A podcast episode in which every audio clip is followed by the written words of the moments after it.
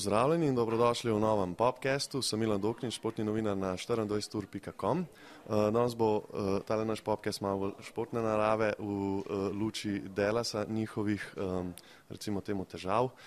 Luke Dončiča seveda, z menoj je Istok Franko, ki nekako živi dvojno življenje. Na LinkedInu je zaposlen v letalski industriji, specializira se za digitalni marketing, pa gremo pa na Twitter, tam pa spoznamo nekaj čisto drugega, istoga Franka, ki je pa um, statistični guru uh, z vsem, kar je povezano z uh, Delasom in Luko Dončiča. Istok, pozdravljen. Ja, pozdravljen. Ja, so se zmenila prej, da bova v tem neuradnem okolju podcasta se kartikala, tako da eh, ne bo komu kaj čudno, spoštujemo zelo um, našega gosta, ampak uh, bomo kar tako le malo bolj sproščeno se pogovarjali. Mene zanima isto, da nekako predstavi, kako ta dva svetova sploh združiš. Digitalni marketing v letalski industriji pa. Ja, mi je zanimivo, da si opazil to bom rekel, dvojno življenje oziroma šizofreno ja. socialne omrežja. Tako da, ja, zanimivo je. Pač, principi so pa zelo podobni. No. Probaš zgraditi neko kredibilnost, pa neko svojo skrkovnost skozi neko socialno mreže, pa neko audience, ki pač spoštuje ali pa razume to, kar počneš. Zdaj, kako sta te dva svetova povezana?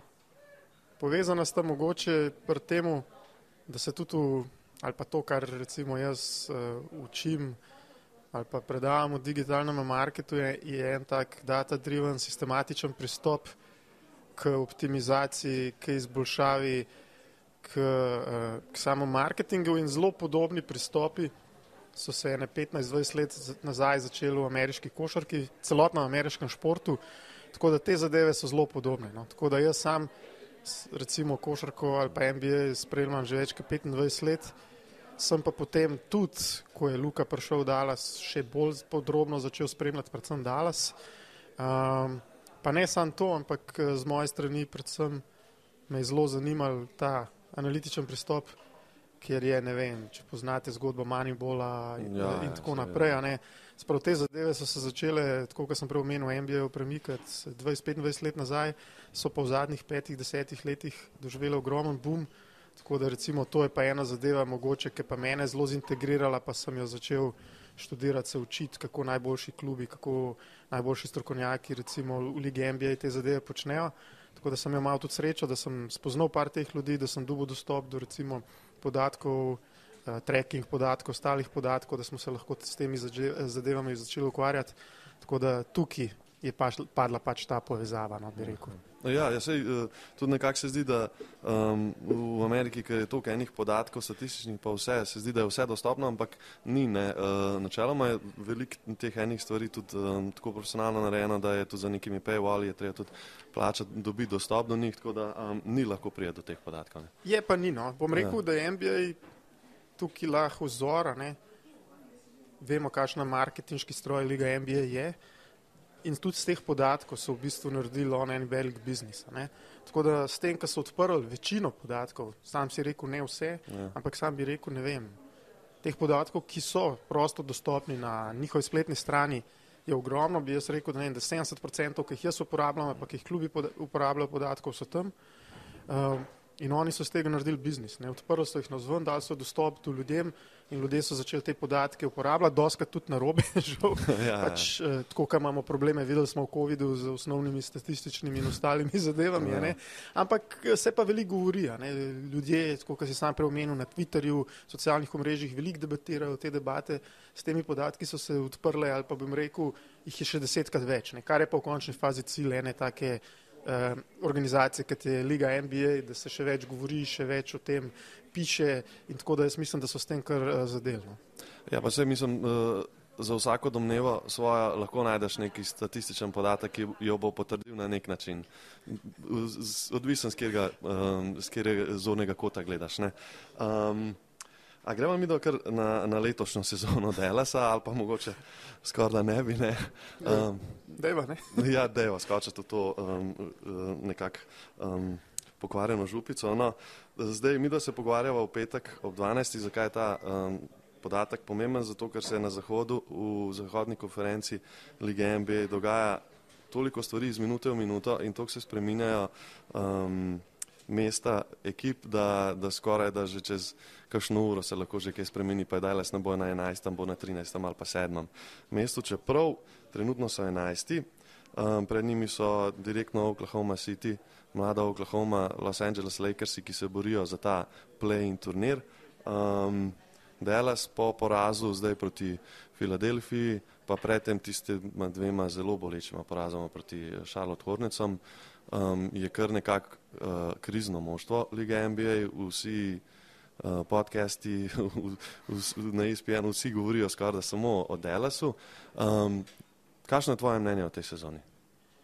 Ja, zdaj, kot je samo omenil, zadnje tri dni oziroma zadnje štiri dni je, bomo rekli, Dallas pa ta njihov kolaps v zadnjem tednu, ki se je zgodil, se, se je pa začel nakazovati že veliko prej. Uh, glavna novica ali pa glavna zgodba vseh ameriških uh, pa predvsem medijev, ki so povezani z NBA košarko. Zdaj, kakšna je ta sezona, težko je oceniti, kaj pozitivno. Ne?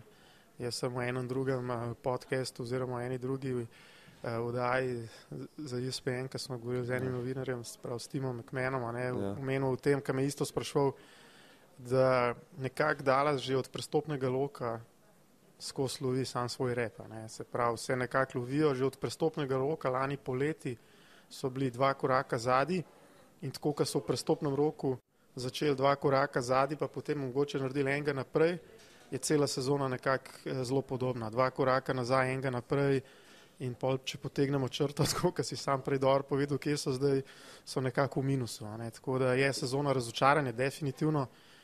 Jaz mislim, celotna sezona še večja, pa po tem tradu, ki so ga naredili, um, takrat se je nekako pričakovali, da bo mogoče to nekaj, kar jih bo rešilo to sezono.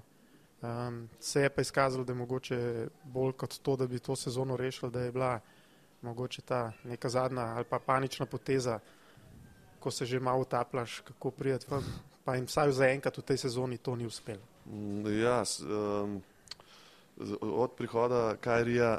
Pravzaprav, kadarkoli eh, Luka in on igrata skupaj, um, skor ni dober, več tekem zgubijo, kot zmagajo. Tudi, ko je drugače, pa lahko, naprimer, samo Kajri igra, mislim, da so imeli dosti dober skor, ene par tekem, uh, ko Luka igra brez Kajrija, spet uh, ni tako dobro, kot je bilo včasih, zato ker se mi zdi, da se kar nekak um, sistem malo premaknil zaradi Kajrija, kar se seveda mora, pa pa stane Luka sam in ne ve več, kaj početi. Meni se zdi, da je to moštvo um, popolnoma izgubilo svojo identiteto čisto. Se mi zdi, da sploh več ne vejo. To se je najbolj poznalo na prvih dveh tekmah, ko sta na koncu v končnici v zadnjih 20 sekundah, kako koli Luka in Kajri poskušala en drugmu podati, pa nista bila pripričana, bom jaz te podal, pa štima en podal, pa nista, pa bosta, pa kako ne. In je to kar nekak simbol za to sezono. Se mi zdi, da zdaj ne vejo več. Včasih je Luka bil glavni, to je bilo to, ni bilo sploh vprašanja. Zdaj je on še zmeraj ne bi bil glavni, ampak je tukaj Kajri, ki lahko v katerem koli trenutku naredi karkoli in doseže koš iz nič. Um, a, kako, bi, kako bi ti um, probil, a se sploh lahko statistično to, a je kakšen podatek, ki to um, lahko dokaže? Ne vem, kakšni podatki o tem, um, koliko izolacij igrajo, če igrajo manjkrat, če, ja. če igrata skupaj, kako? Ja, jaz bi rekel, da tisti tvoj prvi del, ki si rekel, da je moštvo zgubilo identiteto, se definitivno strinjam. Zdaj, mogoče s tem drugim delom je to problem samo v Luki in Kajriju? Bi rekel, da ne, ne. Jaz mislim, da je logično po eni strani, ko narediš sred sezone en tak trade, ko združiš dva taka igralca, da bo nam rekel, da bo imel probleme s kemijo, ampak da bo trajal, da se bo te vloge, kdaj, kdo igra, kako igra, um, da se bojo uh, te zadeve nekako rešvale. Ne. Vemo, da v NBA ligi med sezono se praktično ne trenira oziroma zelo malo trenira. Tako da ponovadi take zadeve, na novo nekako postaviti sistem napada, uh, nekako igrati drugačen napad, ki se trenutno že pričakuje ne, v dobeh, da bo igral drugače, je zelo težko sred sezone, sploh, ko si v enem taki spirali pa prešeril, kot je bil Dallas, ne, kjer je vsako tekmo treba zmagati. Se pravi, te on the fly, te stvari zelo težko spreminjati, te stvari ponovadi delajo v trening campu. Uh, zdaj pa, če grem nazaj, ne, kar se tiče pa identitete, kot sem že prej omenil, od prestopnega loka, ne, oziroma že lani po tistem tradu s Kristopa Porzingisa se je ta identiteta, ki jo Jason Kidd hotel zgraditi, nekako na dobri obrambi, začela malo rušiti. Ne. Dala je bil po tistem tradu veliko manjša ekipa, igrali so pa mogoče bolj eksplozivno napadalno košarko, ta five-out sistem, se pravi pet igralcev skupno z Jelenom Bransonom, Luka Dončičem, Spencerjem Dividijom in potem gibljivi visoki igralci, so igrali super napad. Um, zdaj letos se so te zadeve snaše potencirale. Ne? Z, na začetku sezone s poškodbami ključnih obramnih igralcev, Maxi Kleber, uh, Kleber ja. uh, Dorian Finney-Smith, Josh ja, Green, tudi, ja. je obramba praktično razpadla po tem tradu, ne, tukaj pa mogoče ja. to, kar si ti sprašal, neke statistične zadeve, neke ja. savitsko statistiko s podatke, neke so pa zadeve, ki jih vidiš že samo, če gledaš tekme. Ja, ja. Ampak recimo eno zadevo, eno analizo, ki sem jaz delal, ker sem videl, ne, da se je po tem tradu zgodilo to, da je Dallas že prej bil ena manjših ekip v Libiji NBA, ratala po eh, tradu, zakaj je Reminga še manjša. Ne. Se pravi, če pogledaš prvo peterko, Donija Fina Smitha je zamenil ali Tim Hardaway Jr. ali pa Josh Green, ki sta ja, oba ja. veliko nižja. Spencer Dimitija je zamenil Kyrie Irving, spet veliko nižji igralec. In ko smo šli gledati uh, te podatke, si videl, da je po tem tradu Dallas res ena najnižjih ekip in to jih tepe. Spet v tej identiteti zelo težko v obrambi, po tradu so, mislim, da najslabša obramba, kar se tiče branjene rakete, pa je pa naj, najslabša napadalna ekipa v skoku. Ja. In tudi obrambno skoku, ne? to smo spet mogoče zadeve, ki so skrite malo v podatkih. Če pogledamo po tradu, je Dallas nekje v obrambnem skoku, nekje sredi, 15 od 30, se pravi nekje poprečen. Ampak, če pogledaš gledati pa te koše iz drugih priložnosti, ne? Eh, se pravi po napadalnem skoku, ki se ta zgodi, so pa spet zadnji. Ne? Zakaj? Ker so te mismeči, ker nek večji igralec pride, dobi žogo pod košem na nižjega in so te zadeve rešujejo. Ne? Tako da Dallas ima, kar se tiče, kar se tiče identitete, je ostalo samo to, da ko laufa vse v napadu, ki jim gre med za tri točke, so lahko premaga praktično vsakega, lahko dajo 130 točk, ampak ker se ta stvar ne zgodi, vemo pa, da je pač med za tri točke. Loterija. Tako, loterija, fluktuacije se bodo dogajale, ampak ker se ta situacija ne zgodi, pa ni nekega beka plana. Se pravi, ni beka plana v tem, da bi igrali hiter, da bi dal koše sproti napadov majhni so, ne skačejo, se pravi, ne dajo koš iz drugih priložnosti, ne igrajo dobre obrambe. Tako da tukaj je pa pač ta manjko identitete, kaj bi ob tem, ne, da ja. mečejo veliko trojke še lahko imeli in tukaj so te zadeve, ki se poznajo. In jih je ta trade ob temu, da so pripeljali tega drugega zvezdnika, ki so ga tako dolgo čakali, ne, ja. Jih je pa še zakompliciral. Se pravi, so še, še, še manjša ekipa najboljši obrambni igralci, Šustranži, tako slabe obrambne ekipe, plus Maxi Kleber, ki je prišel nazaj po poškodbi, se vidi, da ni isti, tudi uh, star je že čez 30 let in uh, je težko od njega pričakovati, da bo sam to obrambo popravil. Ja, pa tudi ne ponuja točno tega, kar si rekel, da največji problem višine pa spet tako, nima ne? toliko. Kris Wood pa Javel Magista je edine dva, ki, ki lahko reče, da ste visoka, vsak ima tako bi rekel, za magijo ogromne pomankljivosti. Ne, eh, tist, eh, meni se zdi, da se je začelo z odhodom Bransna, potem naslednja poteza, ta podpis za tri leta magija, ki meni osebno že takrat ni bil nikakor logičen. Um, pa ta obljuba, da bo začel v prvi tako, uh, peterki, potem so pripeljali Krisa Vuda, ki nekako se mi zdi, da kar ne verjamejo v njega. Ne, ne da se ti zdi, Aha. sigurno ne verjamejo, tudi če poslušaš Jason ja. Akida, že v začetku sezone. Ja, ja, ja. Je bilo očitno, da pač to ni igralec, na katerega bi on resno računal. Ne. Je bila pa ta vloga, njegova vloga ne, od začetka, mislim, Vuda, pač en razlog več za frustracijo, mogoče v Dallasu, navijačev, vseh okola, ne, ker nekako so vsi pričakovali, da bo njegova vloga večja, videl se, da trenerski štab mu ne zaupa, jaz bi ja. sam rekel, da je oskrat upravičeno, ja. ampak je bila pač ena od zadev, zato ker pač, ja, tako, kot si omenil, prestopni rok, ne, ko, ko je Branson odšel, brez neke kompenzacije ali pa brez ja. vsakršne kompenzacije, se je nekako predstavljalo, ok, izgubili smo en igralec, ampak dobili smo pa dva dobra, ne, Magija, pa ja. Uda in to se je izkazalo pač, eh, da temu ni bilo tako, ne, tudi Skasanka si omenil Magija, ne, ja. Magiji, tudi jaz sem se pogovarjal po tem, ko so ga podpisali z ljudmi v Feniksu, ki so ga spremljali zadnje dve sezone zelo pogosto. Ne. Vsi so rekli, okay, on je lahko dober backup center, ampak predvsem je to napadalni backup center. Ne. Ja. Uh, nikoli pa ni bil nek uh, super obrambni igralec, prepeljali so ga je pa kot igralca, ki bo uh, čuval obroč, ki bo rešil težave v skoku in tako naprej. Ja, zdaj, višina pa dolžina rok ni pač uh, samo meni pogoj za, za dobrega obrambnega igralca. To je, to je res. Um, ja, uh, a, a greva mogoče. Eh, na Kajrija Irvinga prav direktno, kaj si ti misliš o njemu, a je on lahko dolgoročen del, pa pustimo vse ostale stvari izven igrišča, ker tem mislim, da je brezpredmetno se pogovarjati. Um, samo tako na igrišču, moj oseben občutek je, da um, meni je Kajri uh, nek igralec, ki sam po sebi ne bo poskrbel za to, da bo ekipa zmagovala uh, bolj pogosto, kot bi mogoče sicer s, uh, s tem kadrom. Je pa nekdo, ki bi ob nekem superzvezdniku, kot je Luka, kot je bil LeBron James prej, pa Kevin Durant, je pa dober komplementarij, ki s tem upravlja, da pač nekdo zraven, ki, ki pa svoje kakovosti je lahko ta neka varovalka. Ne.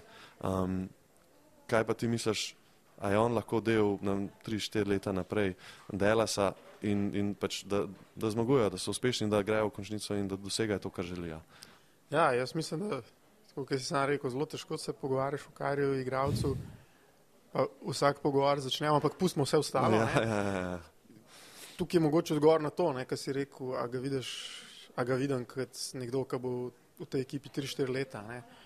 Če pogledamo njegovo kariero nazaj, nikjer ni bil 3-4 leta. Ja. Zadnje, mogoče na začetku v Clevelandu, ampak tudi v Brooklynu, tudi kar zažal, ampak to ni igral, da ni, ni bilo tako, v resnici. Ja. Tako da tukaj sem jaz sam osebno bolj skeptičen.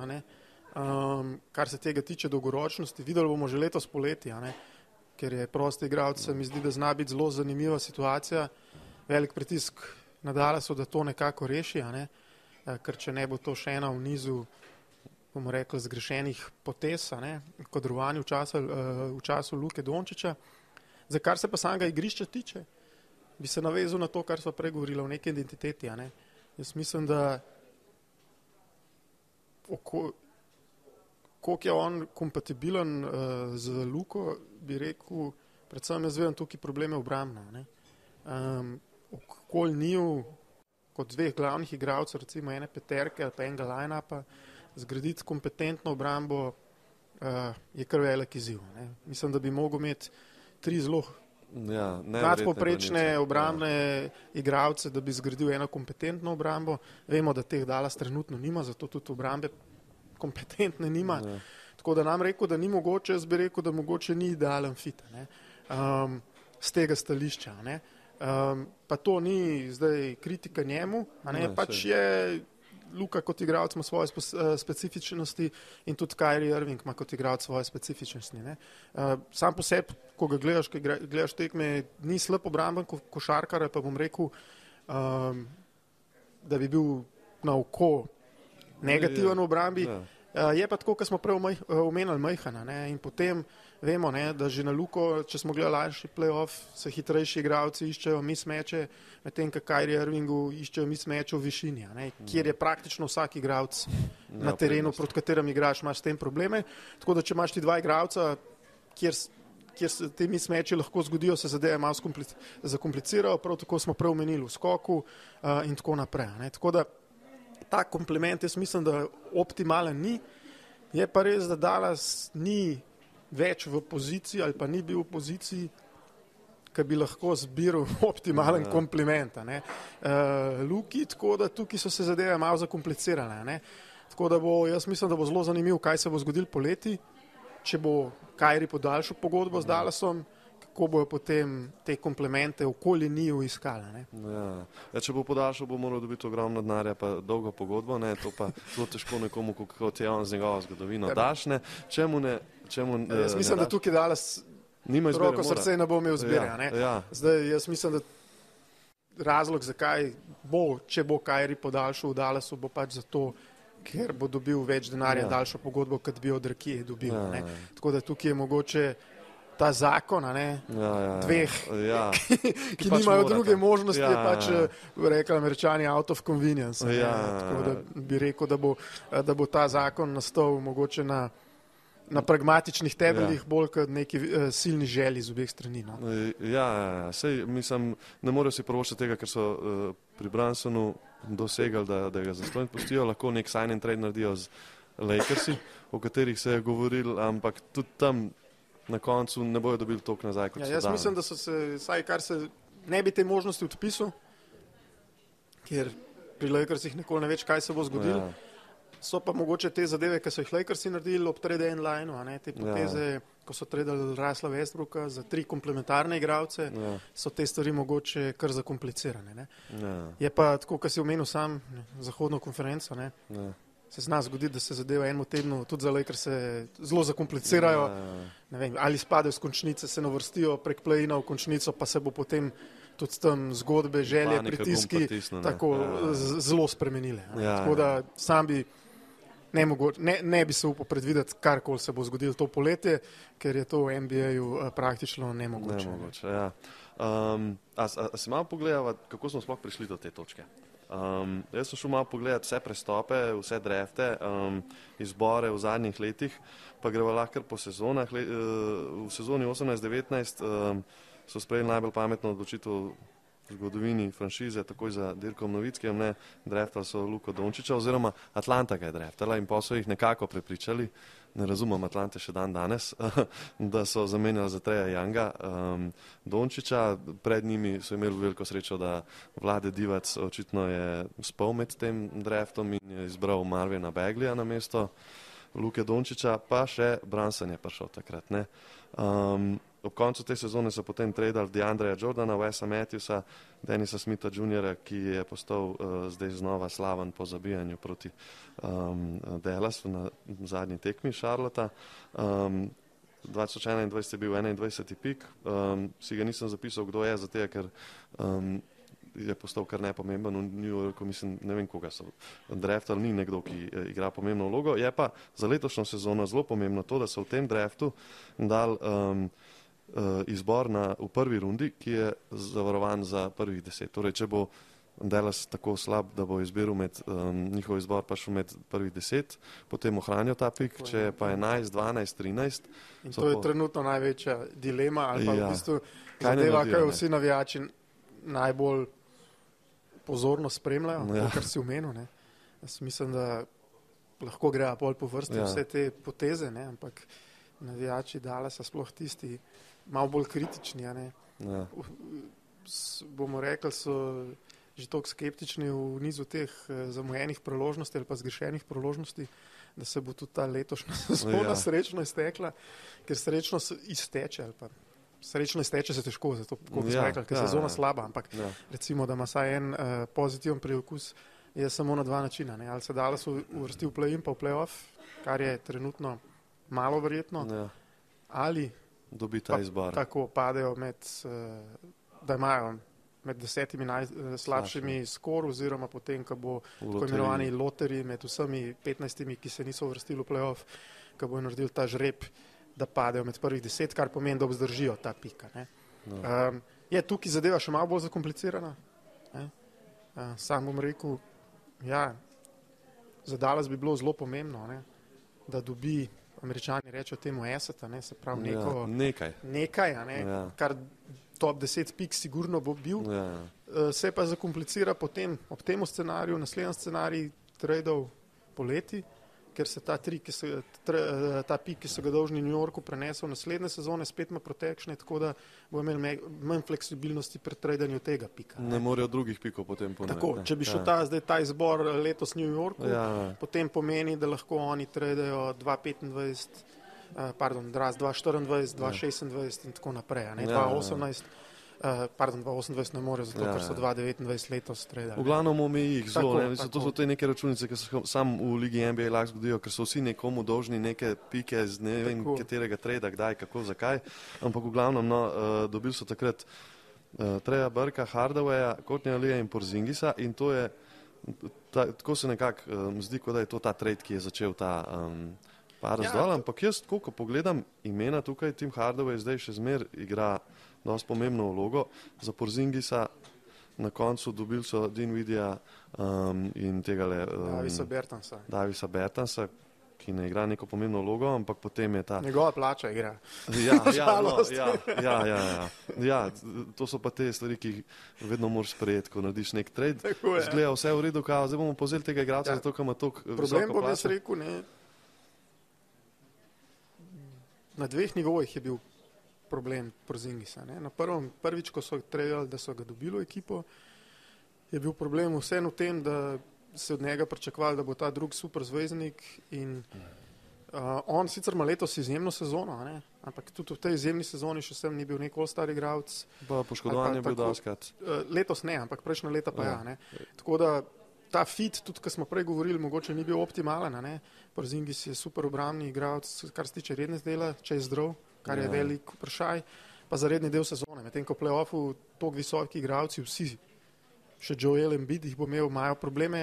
Ne. Tako da, ampak če gremo potem, mogoče malo naprej po tej tvoji kronologiji, ja. tudi lani, ko so ga tredali, ja. so ga v bistvu oni tredali za takrat uh, dobesedno dve slabi pogodbi. Ne. V NBA ja. so bile takrat Spencer Dinwiddie je bil percepiran kot slaba pogodba ja. in Dar, uh, da, Davis Bertrand tudi.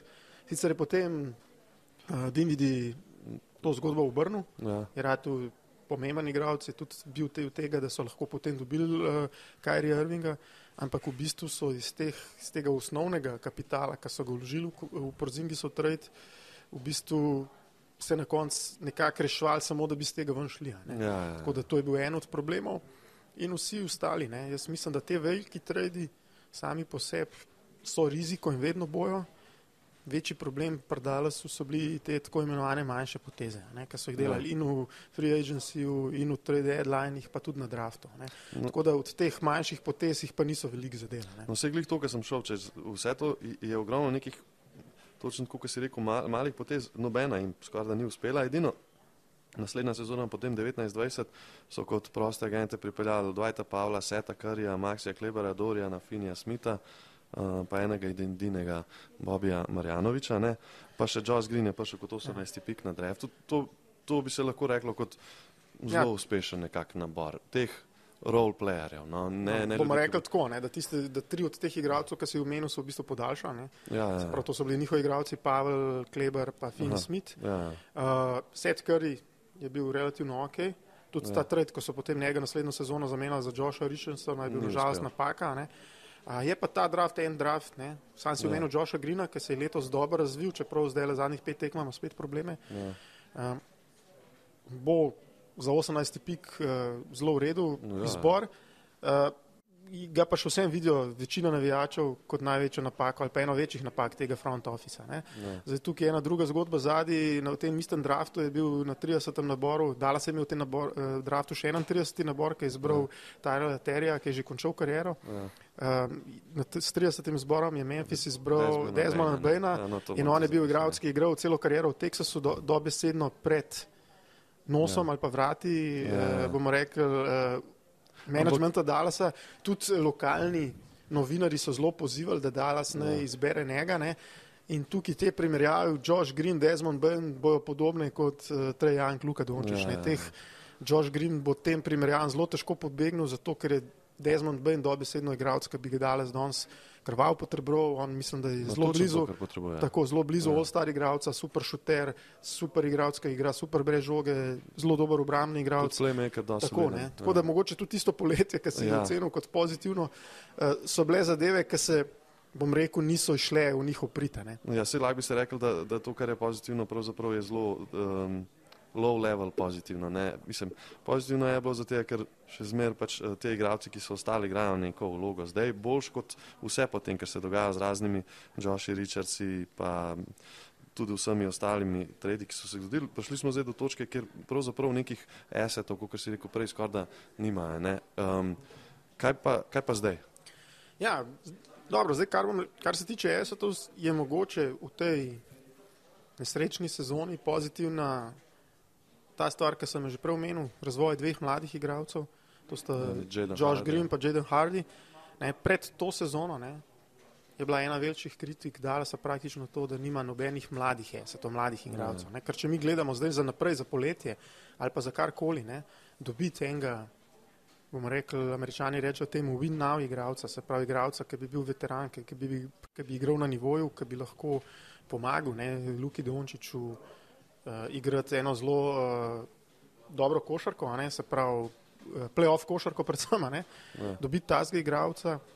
Videli smo vse transakcije zadnjih par let nazaj, potrebuješ dve zadeve, potrebuješ draft pike in potrebuješ dobre mlade igralce. Ne. In tega mm. do lani, roko na srce, dala snimil, letos ima dva igralca praktično, ki sta dobra mlada igralca in tako ali pa drugač bo imel na voljo tudi uh, draft pike. Zdaj, če bo padlo, tako kot smo prej omenila, um, po deset, bo imel zelo dober izbor, top deset ja. izbor na tem draftu. Po do, dobrem draftu. Tako, ne? Ne? Ja. če ne, bo imel možnost tradati dva pika, ja. nažalost samo dva, ne? ker tretjega, tako kot smo rekli, so dali 2,29 v, Kairi, uh, v paket ja. za Kairi trade. Ja. Ampak jaz mislim, da tukaj ima več možnosti bo. Ne? Problem v tem momentu je, da se zdi, ne, da ta ekipa potrebuje mogoče več, kot samo še enega dobrega ja, igralca. Ja. Okol ogrodja, ki sta recimo Kajri Irving pa uh, Luka Dončić, če bo Kajri sploh ostal. Ja, pa rabijo točno to, kar cela liga rabne, uh, krilo, ki uh, dobro meče za tri in igra odlično v obrambi, pa še dosti visok. Ja. Močno je šlo v starih igralcev praktično. Ne? Ja, ja, ja, ja ali pa visokega igralca, mobilnega ja. visokega igralca, na katerem baziraš uh, obrambo ne? in takih igralcev je spet ja, lahko jih preštejo na ja, ja. prste. Rok, recimo, ja, sej, mislim, da malo si zapisal free agente oziroma proste igralce. Že naprej, analiza. Ja, ja, realno pač sezona je skoraj da malo že izgubljena, tako, no, tako da se moramo na to osredotočati. Zdaj, um, player option je um, opcija, ki ima igralec eno sezono pred pravim zaključkom njegove pogodbe, da to pogodbo enostransko zaključi. Igralec lahko zbere, bo on free agent. Ja, ali bo odigral še eno sezono ali ne. Tam je Draymond Green, je Josh Hart, Telen Horton Takan in uh, Dante Di Vincenzo, od teh, ki sem jih jaz nekako, um, so se mi zdeli mogoče zanimivi.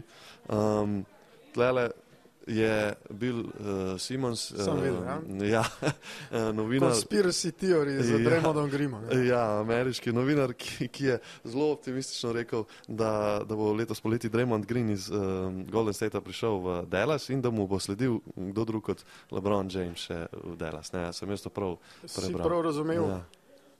To jaz mislim, da ne mogoče. No.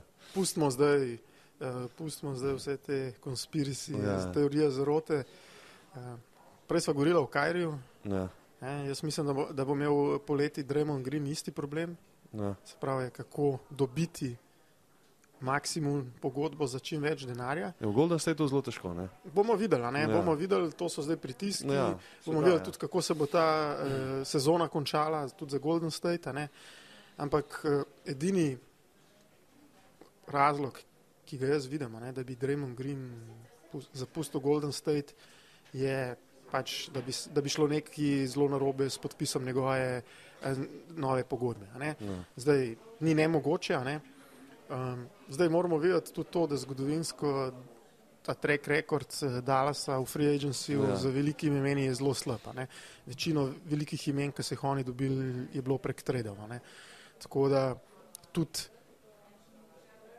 Dallas, če bo podpisal s Kari Irvingom nekega cap rooma, se pravi prostora v mm, salary capu, da bi podpisal proste igralce, tipa Dremo Grim ne bo imel. Ne? Tako da ja. bi, mo bi mogli tukaj za, ne zelo, uh, za, za neke zelo, uh, bom rekel, kreativne uh, tr tr transakcije pa ja. mahinacije. Um, zdaj pa, če samega igralca, ki te Dremo Grim pokličemo, je pa je on dejansko en igralec, ki je lahko, ne? Uh, Meta nima, to je pa. Tako, ne, to, tukaj je problem, ne, tudi uh, Luka veliko drugače igra kot Steph Curry, ne, zato ja. uh, ta napadalna igra Draymond Green uh, uh, in Steph Curry je pač zelo unikatna, ja. dejansko sta tak fit, da v bistvu je poveča Nasprotje efektivnost obeh. Ja, Za enkrat bomo ja, rekli, ja, ja, jaz ja. ne bi bil prav, kot sem rekel, tako kritičen še do obeh. Um, je pa Draymond Green neki še nekaj, kar Dallas v teh petih letih ni uspel pripeljati v ekipo. Ne? To je pa en veteran, ki bi bil recimo avtoriteta v sločilenci. Ja. Se pravi, in tukaj obkrožiti mogoče tudi Luko, ker smo dodel kritik ki se zdaj dogaja, so tudi na Luko in na njegov način igre ali pa na njegove eh, ne vem, obnašanje na terenu. Ne. Zdaj no. dvomim, da bi mu Drejmo Grim pomagal, kaj pr, uh, prigovarjal. Ki pa z največ tehničnimi v zgodovini. Ne. Je pa sigurno ne, tip veterana, ne, ki ga dala še ni imel, ki bi pa mogoče uh, vsem zahteval določene zadeve. Ne, ki pa jaz mislim, da mogoče v tej fazi karijere tudi uh, za uh, Luko ne bi bile ne, slabe. Ja. Tako da uh, to je definitivno. Um, sem pa sam, um, bom rekel, bolj skeptičen, no, da bi do tega prišlo. Uh, Bomo pa videli. No. Bomo pa videli. Poletje bo uh, eksplozivno. Ja, to bi bilo noro. Um, greva kar pol. Restricted free agents so pa uh, prosti igravci, ki za katere ima klub. Klub pravico, da tako. enači kakršno koli ponudbo drugega tako. kluba v ligi. Torej, če bi nekdo ponudil 10 milijonov, ali lahko izenačen in ostane igralec. Ne. Tam je Matisse Tybel, um, pa Austin Reeves, ne, ki je zvezdnik Los Angeles Lakersov. Zdaj, zdaj si začel z igravci, ki, ki ne bojo veliko spremenili. Ja. No, Austin Reeves igra, Austin Reeves je, igra v Los Angelesu, neverjetno. V naslednjem letu, ja, on bo imel pol naslednje leto, bo starter. Ne, Lebron, ja, sem, sem bral, da, da ne bi bil njegov rezerv. Ja, ja, ja, bil je eno tekmo. Um, no, Pomemo pa čisto proste igralce. Jako Poltel je center, ki trenutno igra v Torontu, Juto Watanabe iz uh, Kajrijevega um, Brooklyn Nets, Nazrid, um, ne je center, elektrikni center, center v Minnesota. Ravno se je poškodoval, ampak je. Aha, center, ja. No, letos igra zelo dobro imamo D'Angela Rasla, uh, Nikola Vučevič, Seth Curry, bi se lahko vrnil nazaj, Kelly Ubre Jr. je, je um, nekdo, ki lahko doseže veliko točk, ne? v obrambi najbrž jih ne more veliko preprečati. Pa ena taka malo uh, želiva, Tanasi Santo Tekumpo je frej, ne? pa mogoče lahko uložijo v njega, pa prepričajo svojega brata. Antetokumpo ja, brata na, na ja, rosterju. Ja, ja. Najbrž upanju, da bom tako. Preden je Jarnis podpisal extension, pa se takrat nažalost ni šlo, lahko pa še ja. vedno probajo. Probajo lahko, ne. Um, od teh naštetih imen se ti zdi, da kdorkoli lahko premakne um, v pravo smer? Ne, definitivno ne. ne. Ja, nekaj zanimivih imen, ne. recimo Nazrid je meni tak zanimiv komplementaren igralca, ne. ampak definitivno ni. Ne. Tako, kot sem rekel prej, jaz mislim, da kar se tiče, pa, po mojem, še prezgodaj govoriti o prestopnem roku, ampak prva stvar, ki jo bomo mogli rešiti, je, kaj se bo zgodilo s Kajrijem, ker to bo zelo. Vse ostalo tako. Pove, to bo definiralo dve zadeve, se pravi prvič, kot sem prej govorila, kakšne igralce okoli njiju potrebuješ, ker če gre Kajri, potrebuješ spet čist nekaj drugega, ja. potrebuješ spet kreatorje, potrebuješ nekoga, ki nekaj zna žogo ne, to drugo zvezdo. Ne, če ostane, potrebuješ, kot sem prej rekla, komplementarne igralce, ki so pa eh, ne, višji, dobri v obrambi, dobri v metu. Ne, tako da to je prva stvar. Druga stvar je pa, če uh, Kajri odide, ne, bojo definitivno skozi ta free agency poskušali nekaj podpisati, ampak jaz v vsem, vsakem primeru mislim, da bo glavna zadeva, da bojo pač skozi trade, se pravi skozi izmenjave, te esete, ki jih imaš, probati. Plus, tudi kakšnega od obstoječih igralcev. Sem enkrat pred časom delal analizo lige NBA in dala se je dobesedno edina ekipa trenutno, ki ima šest najbolj plačanih igralcev. Zdaj, če grejo po vrsti Luka Kajri, eh, potem mislim, da je Tim Hardaway Jr., Wood, Bertans, pa pol zadnji mislim, da je Dwight Powell šesti. Ja, če zlistamo ja. od Z2 ja. po plačah. Ne? ki so vsi podporečni obrambni igravci. Tako da ta, ta, ta rešil, ja. to je to, kar jih, eh, to je ta problem, ki ga imajo. Ja. Tako da hočem reči, da tukaj bojo mogli ne samo te esete, ki so jih imeli pretopiti, pa probati zamenjati tudi kakšnega od obstoječih igravcev, ki sam po sebi mogoče ni slab roleplayer, ne vem, primer Tim Hydrove Jr., ja. zamenjati za kakšne igravce, ki so. Mm, ja. Ki padajo bolj v nek model eh, ali pa ekipe, eh, ki jih ta ekipa potrebuje. Tako da zadeve bojo zelo zakomplicirane in jaz mislim, da, um, da bo imela ta front office Dallasa um, velik dela. Velik dela ja. jaz, jaz iskreno povedano nisem pretirano optimističen, sploh glede na poteze, ki so jih do zdaj um, sprejemali. Jaz ne vem, no, jaz sem šel čist mal za hec um, se si nekako eno idealno postavo, ki bi v nekem alternativnem vesolju lahko trenutno nastopala za Delas, pa ti meni povej. Um, fantasy čist, basketball. Fantasy basketball, ja, sem zmagal ligo letos. Bravo. Me zanima, prijatelji, devetih je zmagal. Pošlje CV, ja, ja. Marko ja. Cubano. Ja, uh, glede na to, koga je vse zaposlil v zgodovini, mislim, da bi lahko šlo to čez ne. Um, Jalen Branson je prvo ime, vsi vemo zakaj, zato ker bi ga lahko podpisali uh, za noro, smešno pogodbo. Um, tale je tak mal tako, ampak dobro, Michael Bridges je bil deseti pik, ki je bil traden v Phoenix, ne, eh, ne bi bilo nemogoče, da bi tudi takrat mogoče zatredali kakšen pik, da ga pripeljajo. On je točen to, kar jaz mislim, da bi lahko, kar bi rabil uh, Dela zraven Dončiča. Andrew Wiggins je takrat imel Sigurno. tisto pogodbo, za katero se nihče ni zanimal, pa je um, v Golden State odšel, so dobili še na koncu iz pika Jonathana Kamingo, tako da bi bilo izvedljivo.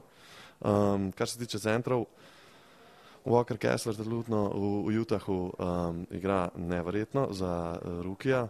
Um, bil je 22. pik, pred njim, uh, pred njim so izbirali v Denverju, v Bullsih, v Hornecih, vse to bi nekako mogoče lahko potredili v Delesu, pa te esete, ki so jih dali za vse ostalo, mogoče dali pa pripeljali kakšnega tazga igralca, imamo Maja Turnerja, um, resmo Peterka, Jalen Branson, Luka Dončić, Michael Bridges, Andrew Wiggins pa Walker Kessler.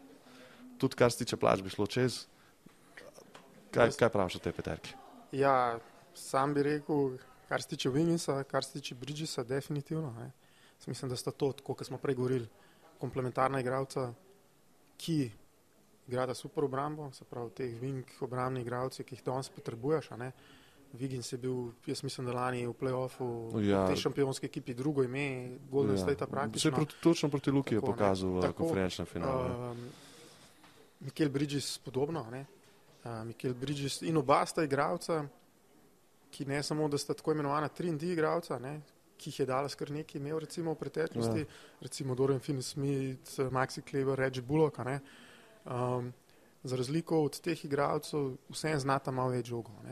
Mikel Bridges je to pokazal letos, ko je dobil več priložnosti v Brooklynu, se pravi, on ni igralec, ki samo stoji v kotu, ne, ampak ja. vseeno neki vlogi zna malo več žogo, ne, Andrew Wiggins, vemo, bil je prvi zbor drafta, uh, tako da sigurno je tukaj.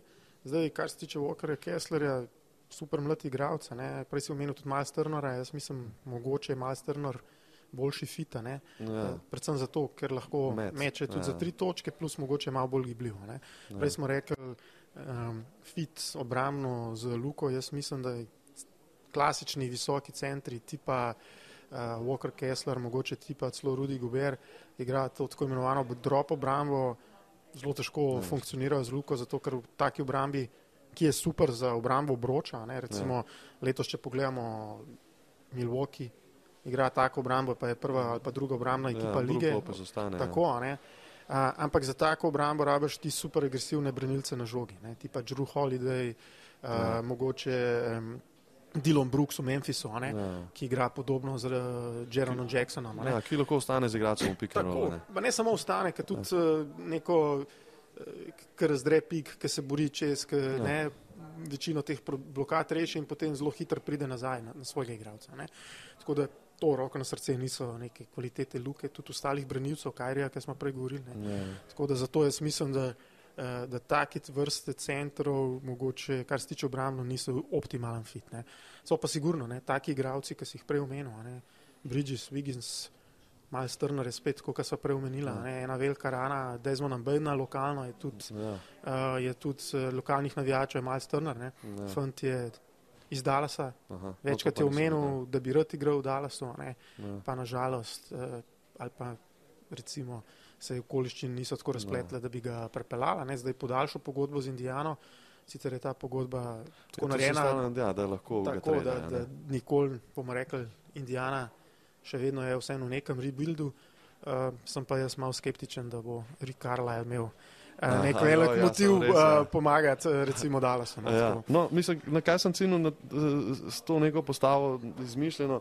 Je izmišljena, lahko pa čist res ne bi bila, ker ne bi bilo nemogoče sestaviti tako ekipo in se mi zdi, da jaz nekako vidim, da razmišljal sem, koga postaviti poleg Luke, da, da bo to res uspešno moštvo in jaz ne vidim potrebe potem, da, so, da je zraven njega res nek super zvezdnik, če ima ostale um, igralce, dosti globoko moštvo, res takih high level role playerjev, ki, ki so. Vprašanje, ne? jaz mislim, da. Mikel Bridges, dobro, ni super zvezdnik, ampak ja. celo imel možnost, da bo kdaj ja, zvezdnik, ne da bo stari ja. igralec. Ja, ja. Ampak uh, tudi zvezdnik tipa preteklosti sem večkrat omenil. Paul George. Ja, ja. Recimo Paul George je igralec, ki je visok, ki je super krilni igralec, ki je zelo dober. No, obrambni igralec, zna pa zelo dobro igrati tudi brez žoge, super šuter. Ja. Da, recimo, če bi zdaj zbirali neke idealne ja, fite, ja. ne? uh, Kawhi Leonard, uh, ja. jaz mislim, ne? ali pa ja. Kevin Durant. Ne, ja, dobro, Kevin Durant v, v, tako, v katerem koli. Igralec, ki paše v kjerkoli. Ja, ja. Ampak to je razlika, ki si jo prej omenil, ja. igra, igralec tipa Kyrie Irving ali pa Kevin Durant. Ja, ja. Po drugi strani. Ne. Kyrie Irving ima svoje specifike, tako kot jih ima Luka. Ne, uh, in uh, je včasih niso vsi te zvezdniki. 100% plug and play, tako kot je ja. Kevin Durant. Ne, se z ja. roko na srce, zato je Kevin Durant ja, to, kar je. Ja. Ampak, uh, tako kot si sam omenil, sam ne bi rekel, da ni nujno, da ne rabijo zvezdnika. Ne. Um, je pa dejstvo, da če bomo rekli isto, kot potrebuje nekega drugega igralca, potrebuje pa vse te komplementarne igralce. Um, ki si jih sam sestavil skozi svoj ja. fantasy draft, ja. dala so ja, prava, pa nažalost ne. ne. ja, dobro, ja. Um, da vam sam reči, uh, a so optimistična za prihodnost Delasa in Luke Dončiča v Delasu ali ne? Pa jaz težko zdaj bom rekel na to vprašanje. Je pa ena stvar dejstvo, ne? pa zdaj to niti ni kritika na, uh, bom rekel, na front office Dalasa, ampak dejstvo v današnjem NBA-ju je, da ne, kaj, kako se je zdaj začelo dogajati za Luko, ne, bomo rekli mogoče prvič, ker so prvič nekako pod pričakovanji vseh, ne, da ko se enkrat začne ta narativ mašinerije, prej smo govorili pred ja, tem podcastom, ja. kakšna mašinerija je ta tako medijska, ne, pritisk socialnih omrežij, ko se začne ta narativ, se pravi te zgodbe, a je neki igralec, zmagovalen igralec, lahko dobija, lahko kdaj prvak ali ne, ne, so te pritiski kar veliki in za igralca tipa Luka Dončić spremeniti tak narativ v današnjem NBA-ju, mm, je veliko lažje zamenjati klub, pa ja. jeti nekam, kjer je vse ta, že, tako, ja. ker so kocke približno zložene, kukar obratno za, za klub graditi. Če smo pogledali zgodbe zadnjih nekaj let, ne, Lebron James je to naredil trikrat, ne, ja. prav prvič je šel iz ki je bila, ne, zdaj recimo zelo zanimiva zgodba, ki se zdaj pojavlja, so zelo te primerjave Lebrona Jamesa, prvi del karijere in Luka Dončiča, ne, kako se je Cleveland trudil, trudil neuspešno ja. graditi ekipo okoli njega. Spravo on je šel v Miami, dobesedno postal prvak dvakrat, kar prej ni bil mogel. Ne. Potem je šel ja. nazaj v Cleveland, ki je bila tudi ekipa čist drugače zložena iz Clevelanda v LA, kjer so bili spet prvaki. Ne. Podobno zgodbo sem imela, ne glede na to, kakšen super zvezdnik, pa koliko plug and play je s Kevin Durantom v Oklahoma. Ja. Se pravi, je šel v Golden State, kjer je postal prvak. Um, tudi Kawhi Leonard je poskušal podobno. Ne. Tako da um, James Harden mu ni uspel, ne, ampak je zamenil par ekip. Ne. Ja. Uh, po drugi strani ekipe, ki so gradile, ne, če jih pogledamo v zadnjih 20 let, ne, ja, ena je Milwaukee, ena je Golden State. Ne, Golden State, vemo, kakšne igralce je imel kor zelo dobro na draftu, Dremonda ja. Grina, Stefa Krja, Kleja Thompsona. Uh, in Milwaukee, ne, ki pa mu je to uspel. Ne. Ampak tudi, če pogledamo prvi del karijere Janisa, so bile zelo podobne zgodbe, ja. ki jih gledamo zdaj. Ja. Niso prišli čez ta drugi krok, niso prišli v finale konference. Pod, re, roko na srce pa je, ne, da oni svojega Jelena Bransona, ki je bil v ja. tem primeru Chris Middleton, niso zgubili. Ja. Ampak so dodali komplementa v Bruku Lopezu ki je trenutno en najboljših obrambnih igralcev lige, in potem še s tistim ne, Ultimate Tradeom, ne, se pravi z Drugom Holidayom, spet, ki je idealen fit in so to ekipo super sestavili. Ja. Ampak če grem nazaj, to je res težko, ne. ni samo Dallas, tako ima s tem probleme, tako da bomo videli. Ne. Jaz mislim, da ta prestopni rok um, zna biti ena zadnjih eh, ali pa največjih testov. Ja. Potem, ker potem bomo šli praktično v zadnje dve, tri leta lukove pogodbe in takrat se bo ta pritisk se bo sam še povečal. Ja. Um, da je pustiti pa uh, Luko Dončiča in Dajala s primeru, bomo videli, kaj se bo zgodilo na koncu sezone, pa skočiva še v Denver in uh, v Milwaukee, kar so jih omenjala. Goran Dragič je podpisal za Milwaukee. Um, ni igral dolgo časa, zdaj dobiva neko minutažo, glede danes je najboljši igral. Um, kaj si misliš o njegovi potencijalni vlogi v Milwaukeeju in o možnostih potem Milwaukeeja za naslov? Ja, jaz mislim, da je Milwaukee za me en glavnih favoritov za naslov. Ne? Če smo prej govorili, ne? oni imajo super zvezdnika, Uh, videli bomo, no, kako bo Chris Middleton odigral do konca. No, po poškodbi se vrača nazaj. Imajo pa nevrjetno obrambo. Ne. Imajo, tako kot smo prej rekli, imajo enega Džurua Holida, imajo Bruka Lopiza, imajo Janisa, uh, tudi Chris Middleton, roko na srce, ni slab obrambni igralec. Tako da ob meni so, ne vem, na zahodu, ob uh, Bostonu, Filadelfiji, en glavnih favoritov na vzhodu, pravi, na zahodu pa vidimo, ne, da se zelo težko ja, ja. predvideti. Tako da jaz mislim, da definitivno so eni glavnih favoritov, za me mogoče celo največji favoriti za naslov, če ne bo poškodba, tako kot so jih imeli lani. Ja. Zdaj v vlogi Gorana, jaz bi rekel tako. Ne, jaz sem super vesel, ne, da je dobil to priložnost. Jaz mislim, kar sem razbral iz vseh komunikacij, da je bila ta možnost že zelo realna že lani pa se je pol odločil za Brooklyn. Tako da sem super, da je dobil še eno priložnost. Um, je pa to za Milwaukee ena taka low risk, ne? rezerva. Tako high reward. Ja. Mi vemo, kaj se ti lahko zgodi v playoffu. Playoff je praktično še ena mini sezona. Dogajajo se poškodbe, je recimo mesto organizatorja igre, ne? sprav nekoga, ki lahko par minut na parketu poveže zadeve med sabo. Um, to po domač povedan, imeti na lageru igralca več, sploh tazga, ker nisi praktično za nič. Uh, za njega nič dal, ne, je ja. super. Ne. Zdaj, bo on dobil priložnost ali ne, ali, ali bi jo mogel, zelo težko rečem, ne spremljam Milwaukee tako podobno, podrobno kot uh, spremljam Dallasa. Ne. Ampak jaz mislim, da se tudi sam, po moje, v tem fazi svoje kariere, če bo odigral kakšno tekmo, ne, v takih igralcev tipa on, veteranov, se mogoče ne, v eni seriji eno tekmo, Ja, eno četrtino, no, da igraš super, ne, ne, tako, ja. in lahko narediš veliko razliko. Ne. Serija dveh, treh trojk lahko ta, tako, se. Plus to, kar sem prej omenil, nekakšna poškodba ne, na mestu organizatorja, um, pa si ti tretji, četrti organizator, uh, ja. uh, tako da to je, to je za njega in jaz ne vem.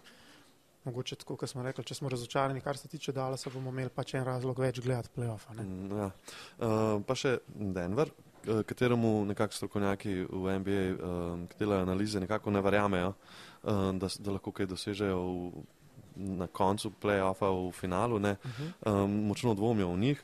Tam je Vladko Čančar, uh, pri njemu zelo nekako niha njegova vloga.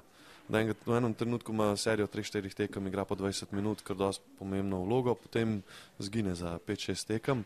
Um, kaj si misliš o Denverju? Uh, pa bo pa sam na hit skočila še na to debato Embida pa Jokiča.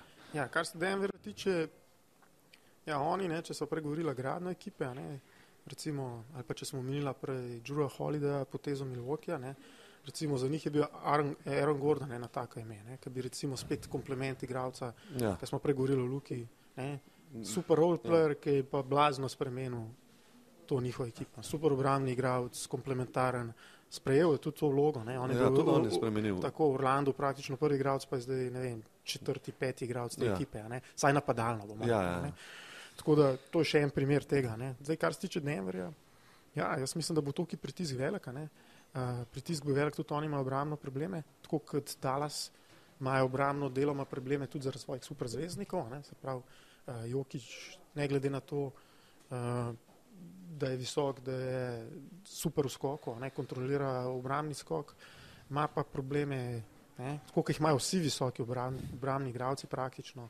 Vem, v tem Space Out NBA-ju, ki govorijo, da se igra zelo na, na velikih prostorih, ne, uh, braniti, tako da to bo še en velik test za njega.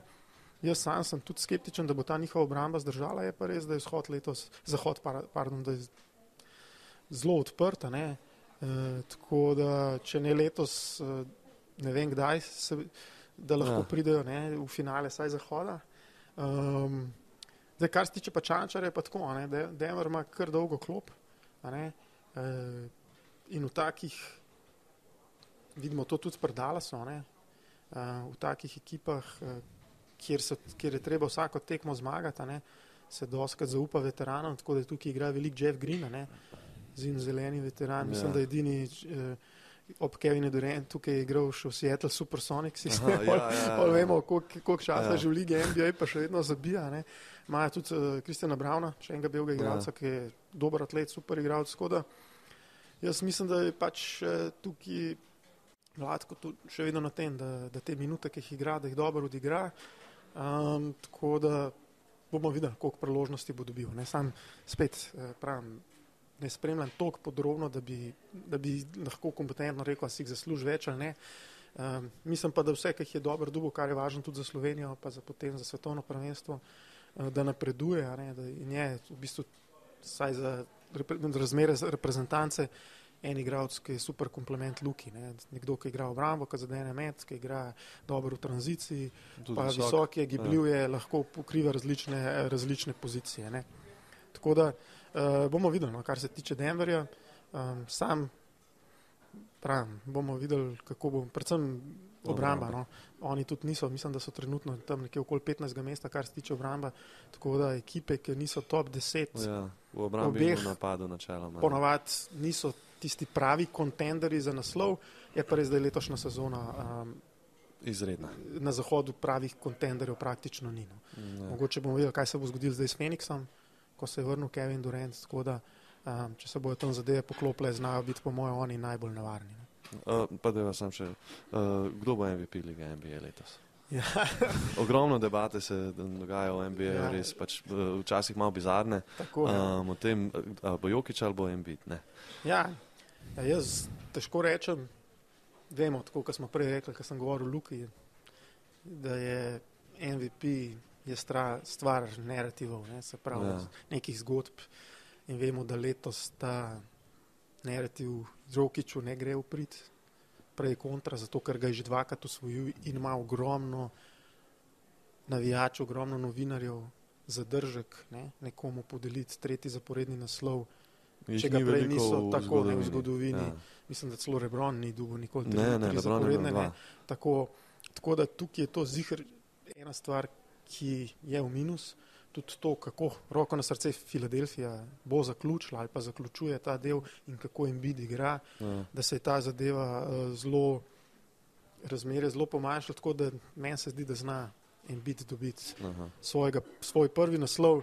In če ga bo, ne bi rekel osebno, da ne, da ne bo nezasluženo. No. Ne, v vsakem primeru oba, oba si načeloma zaslužita, je pa uh, zelo tesno. Ne. Tako, tako zelo tesno. Uh, tudi to, kar smo prej rekli, ne, tiste, ne vem, če se ne vem, čisto na začetku, ne, neke napredne statistike. Ne, Jokič je dobesedno zlomil večino teh modelov, ne, ja. ker te napredne statistike gledajo efekt igralca na igrišču in ta plus minus on-off podatki, napredne podatki, ki te zadeve malo normalizirajo, vse poda, peterke, tukaj Jokič vedno blesti. Um, je pa resno, da deloma je to tudi zaradi tega, kako Denver igra. Ne. Denver praktično nima backup playmakerja, ne? ali pa ga ni imel vsaj lani. Ja. Včasih to vlogo igra eh, Jamal Murray, ne? Ja. ki ima letos tudi probleme. Tako da mogoče tudi tukaj je malo eh, razlogov za to. Um, tako da bomo videli. No? Ampak jaz mislim, za me trenutno mogoče osebno je favorit Joel Embiid. Dobro. Hvala za vse odgovore. Uh, malo sem te namučil, mogoče sem malo. Uh, Zdaj bom šel nazaj na, na, uh, ja. na, na fantasy draft, pa še uh, jaz ja. sestavljam, da vidim, kakšne ti je. Leti treba že uh, načrte delati, imam že v glavi veliko načrtov. Uh, Misto, najlepša ti hvala, ki si se nam pridružil, upam, da se še kdaj kaj um, oglasiš. Um, vi, dame in gospodje, pa kar spremljajte nas na spletni strani 24.com, pa poslušajte nas na Spotify in vseh ostalih platformah, velike ene odlične vsebine imamo. Lep pozdrav.